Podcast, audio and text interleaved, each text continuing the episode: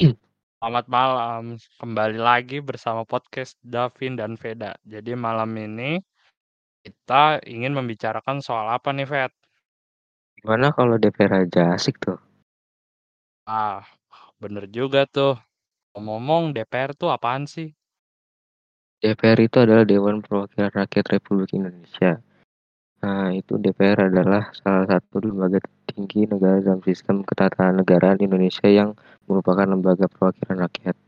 DPR terdiri atas anggota partai politik peserta pemilihan umum yang dipilih melalui pemilihan umum dan memiliki jumlah anggota sebanyak 575. Aduh, banyak banget tuh anggota. Kira-kira awal mula terbentuknya DPR tuh gimana sih, Ved, sejarahnya? Jadi sejarahnya itu dimulai sejak bentuknya Komit Nasional Indonesia Pusat atau KNIP oleh hmm, Presiden pada tanggal 29 Agustus 1945 beberapa hari setelah proklamasi kemerdekaan Republik Indonesia di Gedung Kesenian Pasar Baru, Jakarta. Tanggal peresmian KNIP 29 Agustus 1945 dijadikan sebagai tanggal dan hari lahir DPR RI. Dan pendiri DPR sendiri adalah Bapak Insinyur Soekarno dan DPR juga telah mengalami pemilihan banyak 18 periode. Dari awal dari yang awal bernama KNIP pada tahun 1945 sampai 1950 hingga sekarang mengganti nama menjadi DPR. Waduh, sejarahnya panjang juga ya terciptanya DPR ini. Saya lupa nih kalau diinget-inget terus, tapi saya jadi inget. Mungkin kamu kan udah nanya, sekarang gantiin aku dong yang nanya tentang DPR. Hmm, kalau aku sih tahunya nggak banyak, paling sama tugas sama kewajibannya. Nah, kalau boleh tahu apa saja ya? Jadi kalau untuk tugas DPR sendiri dibagi jadi tiga.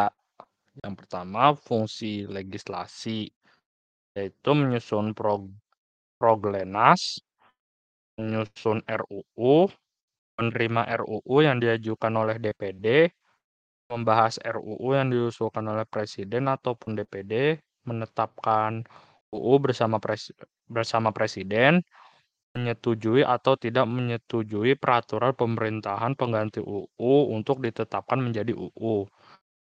Kalau yang terkait dengan fungsi anggaran, memberikan persetujuan atas RUU tentang APBN, memperhatikan, mempertimbangkan DPD atas RUU tentang APBN dan RUU terkait pajak, pendidikan, dan agama, menindaklanjuti hasil pemeriksaan atas pengelolaan dan tanggung jawab keuangan negara yang disampaikan oleh BPK, memberikan persetujuan terhadap pemindah tangan aset negara maupun terhadap perjanjian yang berdampak luas bagi kehidupan rakyat yang terkait dengan beban keuangan negara. Kalau yang fungsi pengawasan, melakukan pengawasan terhadap pelaksanaan UU APBN dan kebijakan pemerintah. Membahas dan menindaklanjuti hasil pengawasan yang disampaikan oleh DPD. Oh iya, DPR juga memiliki tugas lainnya loh. Seperti menyerap, menghimpuni, dan menampung menindaklanjuti aspirasi rakyat, memberikan persetujuan kepada presiden, memberikan pertimbangan kepada presiden, memilih anggota BPK dengan memperhatikan pertimbangan DPD, memberikan persetujuan kepada Komisi Yudisial terkait calon hakim agung yang akan ditetapkan menjadi hakim agung oleh Presiden, memilih tiga orang hakim konstitusi untuk selanjutnya diajukan ke Presiden. Wah, banyak sekali ya ternyata tugas DPR. Kalau kewajibannya kira-kira apa ya?